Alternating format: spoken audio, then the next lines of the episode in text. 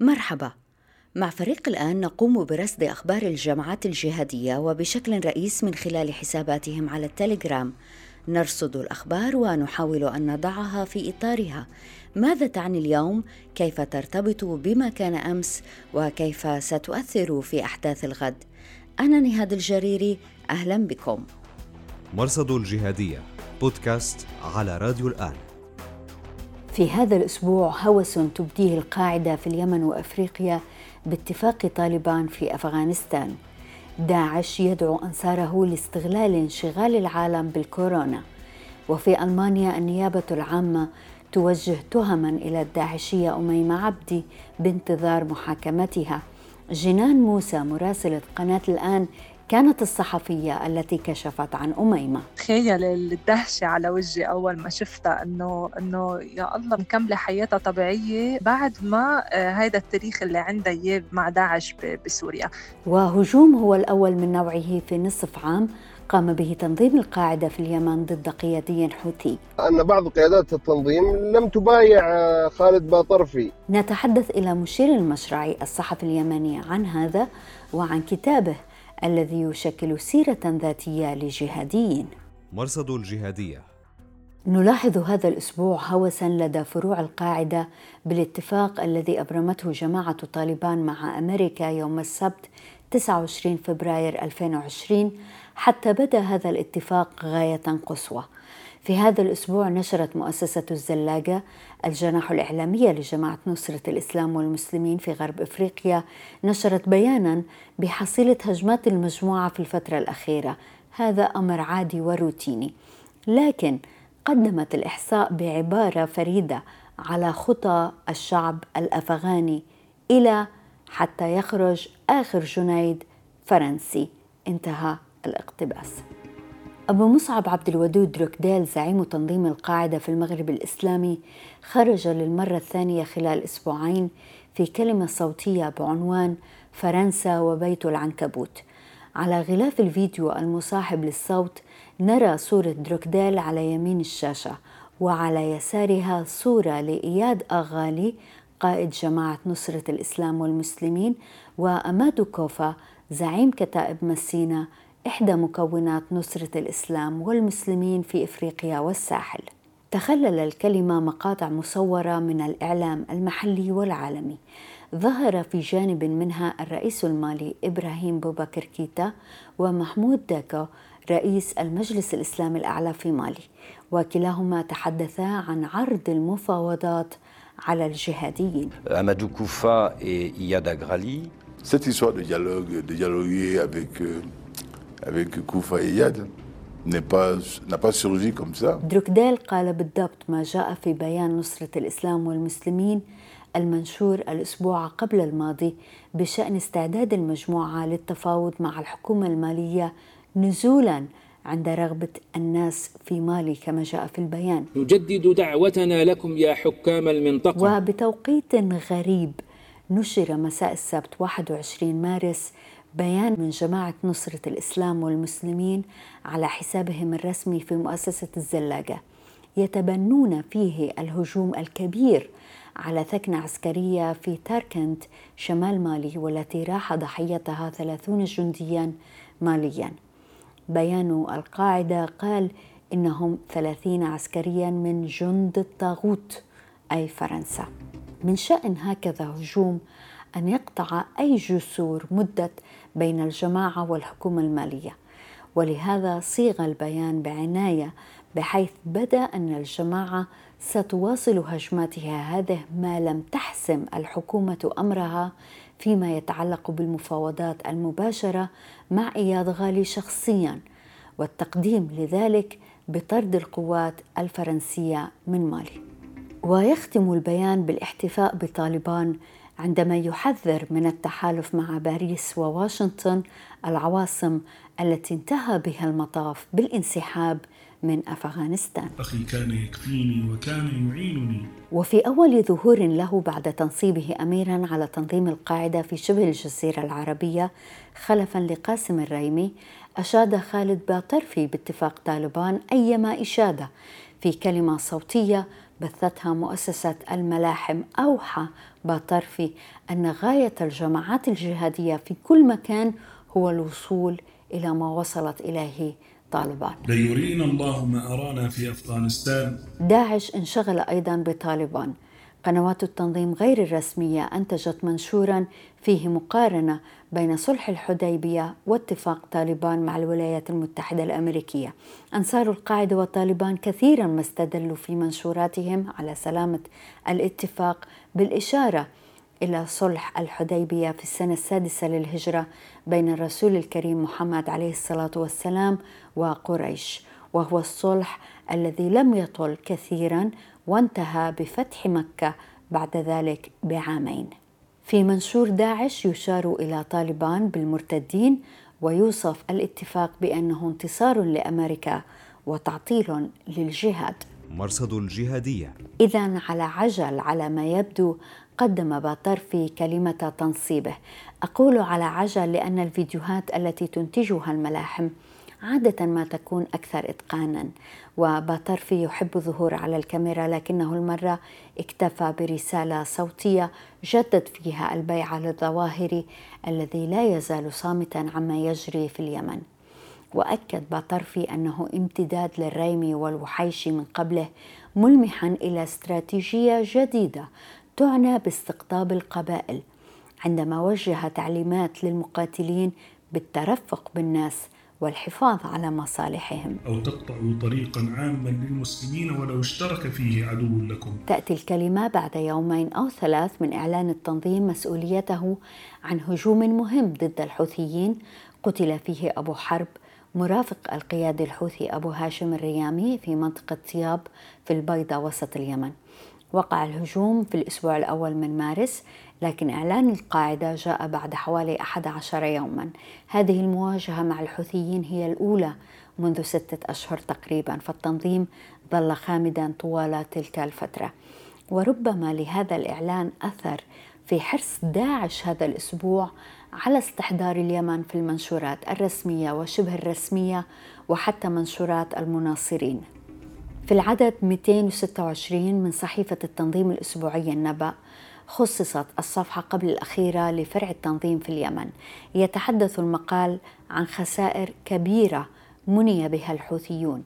لكن أهم ما جاء في العنوان في هذه الصفحة هو مصدر خاص للنبأ يحذر قبائل البيضاء من توريط الحوثة لهم في الحرب ضدهم. هذا المصدر قال إن الحوثيين يؤلبون القبائل السنية ضد داعش في منطقة رداع في البيضة مستغلين حادثة قتل خطأ أودت بحياة ثلاثة أشخاص في سيارة ويبرر داعش أنهم اعتقدوا السيارة معادية. وفي النهاية حذر هذا المصدر القبائل من التعاون مع الحوثيين ودعاهم للابتعاد عن مواقعهم لأنها مستهدفة في أي وقت. وليست هذه المرة الأولى التي يحذر فيها داعش القبائل اليمنية في البيضة بصيغة إما تتعاونوا معنا أو تذهبوا في حال سبيلكم. ومعنا للحديث عن اليمن الأستاذ مشير المشرعي الصحفي اليمني رئيس تحرير عين اليمن الإخبارية وصاحب كتاب الفجر المعتم عن تجربة جهاديين سابقين. أهلا وسهلا فيك أستاذ مشير مرة أخرى في البرنامج. أهلا وسهلا حياكم الله. آه، إذا تبنى القاعدة في اليمن مقتل أبو حرب. لأي درجة هالكلام مهم؟ آه، الشخص الذي يغتيله الملقب أبو حرب الحوثي وهو المرافق الشخصي لأبو هاشم سيء الصيت المعروف عنه أنه قائد آه، أول نقطة عسكرية للحوثيين مع الحدود مع قوات الشرعية في منطقة رداع البيضاء وهي النقطة التي يتم فيها اعتقال أغلب العائدين سواء من السعودية أو من باقي الدول آه، الذين يرغبون الدخول إلى مناطق سيطرة الحوث- الحوثيين كصنعاء وإب وعمران وغيرها. تنظيم القاعدة في العملية هذه آه، يريد أن يلفت النظر إلى أنه سوف ينتقم من قيادي كبير ويحاول أن يتقرب من الشعب أنه سوف ينتقم لهم من أهم قيادات الحوثي التي يمارس ضد آه، اليمنيين التنكيل. لماذا تأخر الإعلان؟ يعني في فرق حوالي 11 يوم بين ما طلع الخبر على الإعلام المحلي وبين ما أكدته القاعدة أتوقع أن تأخر الإعلان كان بسبب الخلاف الحاصل داخل أجنحة تنظيم القاعدة حيث أن بعض قيادات التنظيم لم تبايع خالد باطرفي من بينهم الصنعاني عدة شخصيات أخرى لم لم تعلن أو تعلن تأييدها لتعيين خالد باطرفي. هذا دليل على أن التنظيم الآن أصبح يشن عمليات منفردة. ليست بتوجيه القيادات الأخرى.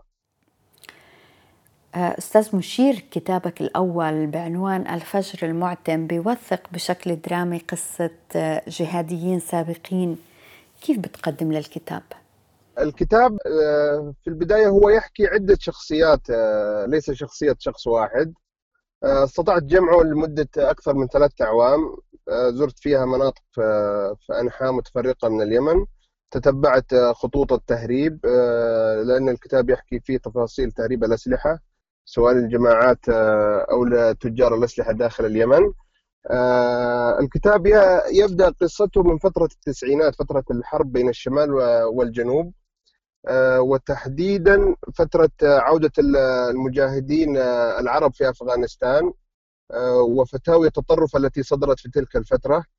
كان يلاحظ بطل الرواية أنه كان يهيم حبا في تفاصيل التي يلقيها خطيب الجمعة وشيوخ العايدين من أفغانستان وحديثهم عن الحور العين وما أسموه كرامات المجاهدين في أفغانستان حيث كانوا يواجهوا السوفييت برمي تراب فتنفجر دبابة إلى آخره من الكلام الذي ذكر.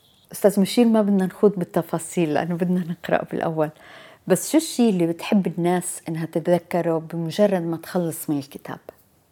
أنا حاولت أن أوضح قدر ما أستطيع كيف يسعى بعض مفرخي الإرهاب في اليمن أو في الوطن العربي إلى تغليف الدين وجعله موجه للإرهاب. وهذا غير صحيح. الدين الإسلامي دين التسامح ودين عفو تقبل الآخر. لكن للأسف تم تحريف بعض الآيات لخدمة المشايخ التنظيم أو مشايخ الإرهاب. مشير المشرع الصحفي اليمني وصاحب كتاب الفجر المعتم شكرا جزيلا لك. شكرا لك أستاذنا. مرصد الجهادية. الكورونا. افتتاحية صحيفة داعش الأسبوعية النبأ جاءت بعنوان أسوأ كوابيس الصليبيين عن الكورونا. الخلاصة هي أنه في ظل انشغال دول العالم بتحصين نفسها ضد الكورونا وإشغال مؤسساتهم الأمنية والطبية إلى أقصى حد باتوا يخشون أن يتزامن ذلك مع تحضيرات لهجمات جديدة يقوم بها الدواعش على نحو ما حدث في باريس ولندن وبروكسل. كما يدعو التنظيم أتباعه إلى السعي لإطلاق سراح أنصار التنظيم القابعين في السجون وفي نفس الوقت يدعوهم إلى حماية أنفسهم وأهليهم من الداء المنتشر. في إدلب ومحيطها حيث تسيطر هيئة تحرير الشام نشرت نقابة أطباء الشمال المحرر بيانا يحذر من تكون بؤرة لانتشار المرض ما لم تتخذ إجراءات بحظر التجمعات وإغلاق المؤسسات على اختلاف أنواعها وإغلاق الجوامع. من يأخذ هذه الإجراءات طبعا هو هيئة تحرير الشام الجولاني من خلال ذراعها السياسية حكومة الإنقاذ. الآن إغلاق المساجد بشكل خاص سيسبب مشكلة مع المنظرين الذين يرفضون إغلاقها ويعتبرونها حجة لتدخل الدولة كما يقول أبو قتادة آه، عمر بن محمود الفلسطيني آخرون مثل حاكم المطيري يعتبرون أنه لم يرد في الأثر في السلف إغلاق المساجد حتى في وقت الطاعون ويقدم استدلالات ملتوية جدا تصل إلى حد إنكار وجود شيء اسمه مرض يعدي. نشرت غرفة عمليات محرض المؤمنين بيانا ترفض فيه كل الاتفاقات الدولية بخصوص شمال سوريا حرض المؤمنين تضم فصائل جهادية أهمها حراس الدين الموالي للقاعدة. بعد أيام استهدف رتل تركي على طريق حلب اللاذقية الدولي المعروف باسم الام فور وسط حالة من الهرج والمرج اتهم حراس الدين بتنفيذ الهجوم وقالت وسائل إعلام محلية إنهم اشتبكوا مع هيئة تحرير الشام. آخرون عزوا الهجوم إلى القوات الإيرانية الموالية للنظام. في نفس الوقت تقريبا اغتيل علاء العمر أبو أحمد قائد لواء العباس في حركة أحرار الشام في تفجير عبوة ناسفة زرعت في سيارته قرب جسر الشغور في ريف إدلب الغربي. أحرار الشام هم أحد المكونات الرئيسة في الجبهة الوطنية للتحرير. وتعرض أيضا سهيل حمود المعروف بلقب أبو التاو وهو من عناصر الجيش الوطني تعرض لمحاولة خطف فاشلة. حسابات على التليجرام ألمحت إلى ضلوع هيئة تحرير الشام الجولاني في العمليتين. مرصد الجهادية.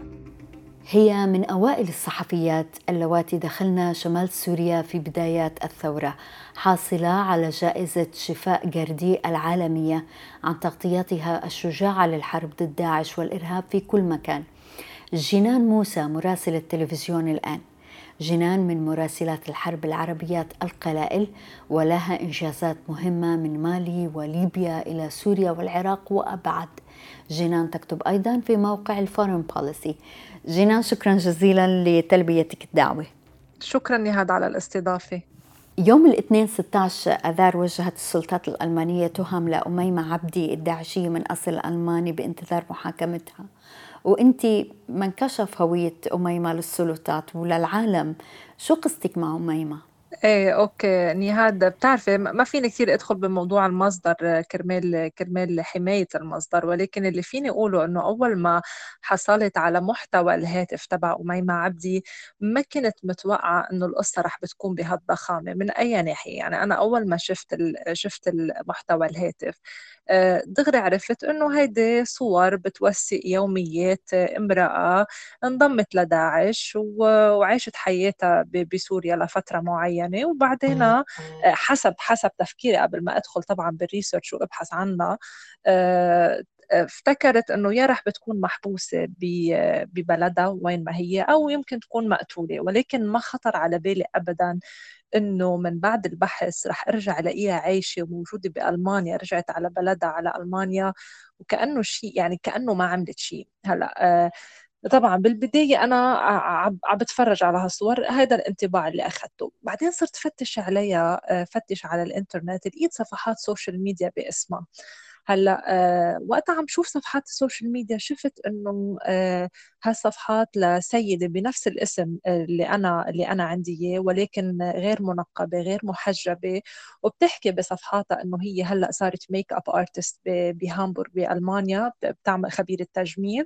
وبتساعد كمان بالترجمة بتعمل عمليات ترجمة وبت وبتنظم آه، مناسبات هونيك. طبعا أنا آه، كمان بعدني مش مصدقة إنه كيف كيف أنا عم بحكي عن عن عن سيدة قدامي موجود صورها بالرقة حاملة سلاح منضمة لمنظمة لمجموعة إرهابية مثل داعش عم تاخد معاش شهري من قبل داعش أولادها مسلحين الأسلحة ببيتها. وكمان آه، مجوزة واحد من أهم القادة تبع داعش الألمان اللي هو أبو طلحة الألماني ديزو دوغ اللي هو أشهر واحد آه، ألماني انضم انضم لداعش. فأنا من ميلي عم بطلع على هاي الصور اللي عم بتفرجيني هاي المرة اللي كانت عايشة هاي الحياة بالرقة. ومن ميلي تاني عم بتطلع بصفحات مواقع التواصل الاجتماعي لصفحات تحمل اسمها عم بتفرجيني إنه هي خبيرة تجميل وإنه عايشة حياة طبيعية بألمانيا. هلأ أنا كمان بعدني مش مصدقة بهال بهالمرحلة. عم بقول لحالي يمكن هاي صفحات قديمة يمكن حدا متقمص شخصيتها يمكن يمكن صفحات عرفتي من قبل ما تروح على على داعش. ف آه، طبعا كان لازم اكد هاي هالشغله وبالتالي رحت على على ألمانيا على على هامبورغ وبقلب آه، التليفون كان في عنوان لبيت. طبعا هو نفس البيت اللي كانت عايشة فيه قبل ما تروح تنضم لداعش بسوريا. آه، رحت على رحت على المحل وطبعا أكثر من جمعة أو عشرة أيام لحتى قدرت القطع يعني لحتى قدرت تشوفها بعيوني. طبعا فيك أنت تتخيل الدهشة على وجهي أول ما شفت شفتها إنه إنه يا الله موجودة وعايشة ومكملة حياتها طبيعية ولا حدا سألها ولا سؤال من بعد ما هذا آه، التاريخ اللي عندها إياه مع داعش بسوريا. هلأ أنا بهالمرحلة كمان رجعت صرت أقول يعني ما في آه، ما في آه، يعني مستحيل إلا إنه السلطات الألمانية منا عارفة إنه هاي الإنسانة راجعة على ألمانيا. يعني ما كان متخيل لي إنه هن عارفين إنه هي راجعة وكمان آه، ما حدا محاسبها منا محبوسة ما حدا يعني ما حدا موجه لها أي تهم بالمرة. كمان بعد ما نزلت القصة طبعا صار في تصريح من من السلطات الألمانية إنه هي آه، راحت آه، أميمة عبدي على السفارة الألمانية بتركيا باغسطس بال 2016 من بعد ما طلعت من سوريا. طبعا هي وصلت على سوريا ببداية 2015 وطلعت وصلت على السفارة الألمانية بتركيا راجعة على ألمانيا بأغسطس 2016 فقالوا إنه هي إجت. وتم سؤالها طبعا عن عن شو كنت عم تعملي بسوريا وين كنت وكل هالأسئلة. وهي أكيد قالت إنه أنا آه، بريئة ما كنت عم بعمل شيء أنا ست بيت أنا كنت مجبورة آه، إنه إنه نروح على مناطق داعش. وبالتالي ما في ولا أي إثبات ولا أي صورة ولا أي دليل ببرهن أي شيء ثاني فالسلطات الألمانية سمحت لها انه ترجع وتمارس حياتها بشكل طبيعي. ومن هون كانت أهمية القصة يلي يلي نزلتها وضخمتها لأنه آه، بتعرفي الصور والفيديوهات ورسائل الواتساب ورسائل الفيسبوك هيدي ما بتكذب. يعني هذا دليل ملموس على الدور اللي هي كانت عم تعمله عن شو كانت عم تعمل بالضبط بسوريا.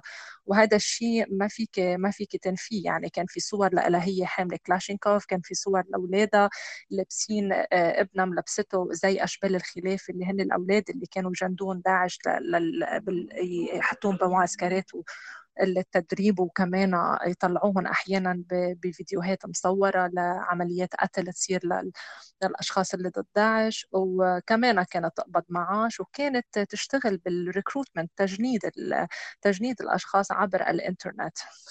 فهاي الصور طبعا أول ما نزلت أكيد تقرير كان بأبريل من عام 2019 عمل صدمة كبيرة وكان له صدى كتير كبير. وطبعا كل الصحافة الألمانية والسلطات الألمانية يعني أخذوه على محمل الجد مباشرة.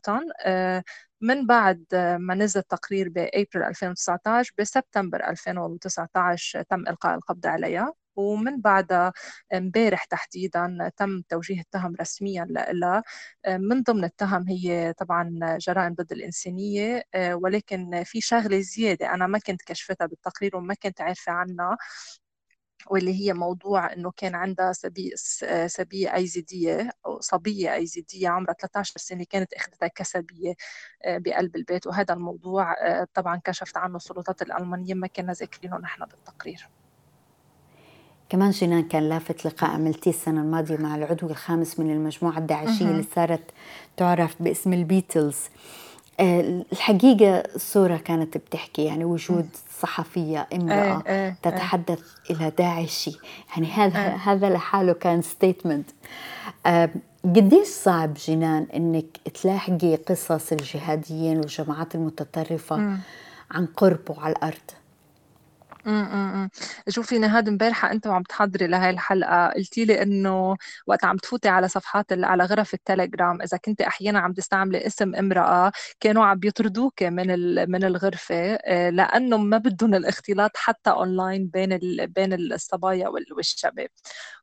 فهيدا بال... فهيدا بس بعالم الإنترنت. ففيك تتخيلي على الأرض يعني قديش هي الأمور بعد أصعب وأصعب. هلأ في عندك فيني أقسم انطباعاتي مع الدواعش لثلاث أقسام. في عندك جزء ما بده يحكي ابدا. هلأ هن ما بيقولوا لك ما بدنا نحكي لأنه انت السيدة أو لا. خلص ما بده يعطي مقابلة. في عندك قسم آه، وكمان هذا بيعتمد على كل character للشخص. في عندك قسم يمكن مقابله كلها قد ما حاولتي وقد ما جيتي بالأسئلة. خلص بيعملوا block عليك.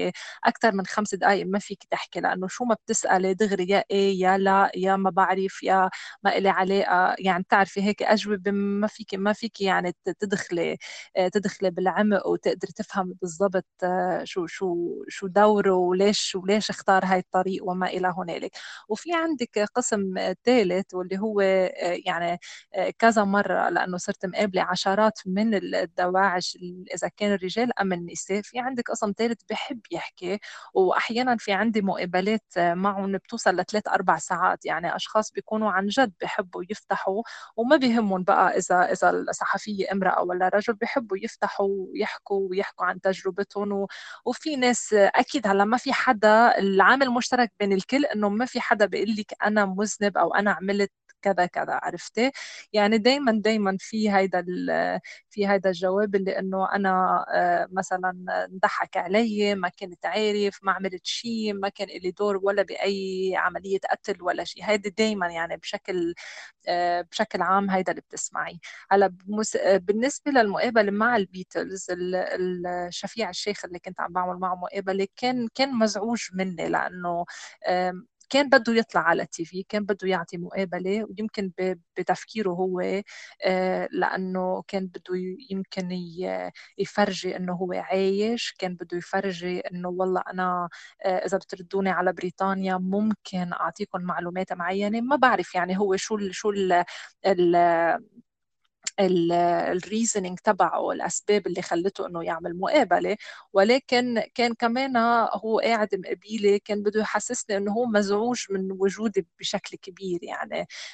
ما بده يعمل اي contact ما بده يطلع بعيوني وهذا شيء مفهوم يمكن لسبب ديني ما بده يطلع بعيوني. ولكن كمان ما بده يطلع بالكاميرا وبده يستهتر ويستخف بكل سؤال أنا عم بسأله إياه. وكل ما أسأله سؤال يا أو عم يتأفف على الكاميرا يا أو مثلا بيطلع بالأرض أو بيلعب بدقنه أو بيطلع بالسقف المهم إنه شو ما يفرجيني إنه هو مركز معي 100% عرفتي؟ وكان وكان بس عم بسأله آه، أي أي سؤال عم عم دغري عم بيعصب دغري عم بيستفز من السؤال. ويمكن ما كانت سهلة عليه مش إنه بس امرأة عم تسأله هيدا السؤال كمان صحفية لأنه بتعرفي هاي المجموعة متهمة بإنه هن اللي كانوا عم بيقتلوا الصحفيين وعم بينزلوا الإصدارات يلي القتل تبع صحفيين فربما شاف إنه فجأة انعكست الأدوار وهو قاعد بموقع ما بيقدر يعمل لي شيء. يعني أنا كصحفية بهيدا بهيدا البوزيشن بالضبط آه، هو هو أضعف مني عرفتي؟ ما قدران يعمل لي شيء وهيدا كان بيختلف تماما عن الدور اللي بيلعبه آه، وقت كان مع داعش يعني. سؤال بنحب دائما إنه نطرحه بالبرنامج بعد كل هالسنوات في تغطية الحروب. اللي بتسببها الجماعات الإرهابية هل لا يزال أي شيء يفاجئك؟ آه، ليك نهاد يعني ما بعرف يعني وقتها بتكوني قاعدة عم تعملي مقابلة مع آه، طفلة عمرها 13 سنة أو 15 سنة وعم بتحكي لك إنه هي كيف آه، انباعت وانشرت بمدينة مثل الرقة أو بالموصل آه، تقريبا 10 مرات أو 20 مرة بأسعار تتراوح بين ال 20 دولار لل 1000 دولار لل 2000 دولار. يعني هيدي قصص حقيقية عرفتي؟ بنات بيكونوا قاعدين بوجهك وعم بيقولوا لك فلان الفلاني باعني لفلان وهيداك اشتراني وهالقد دفعوا فيني. فما بعرف إذا بعد في شيء عن جد ممكن يفاجئك. هيدا هيدا هاي كانت الحقيقة عرفتي؟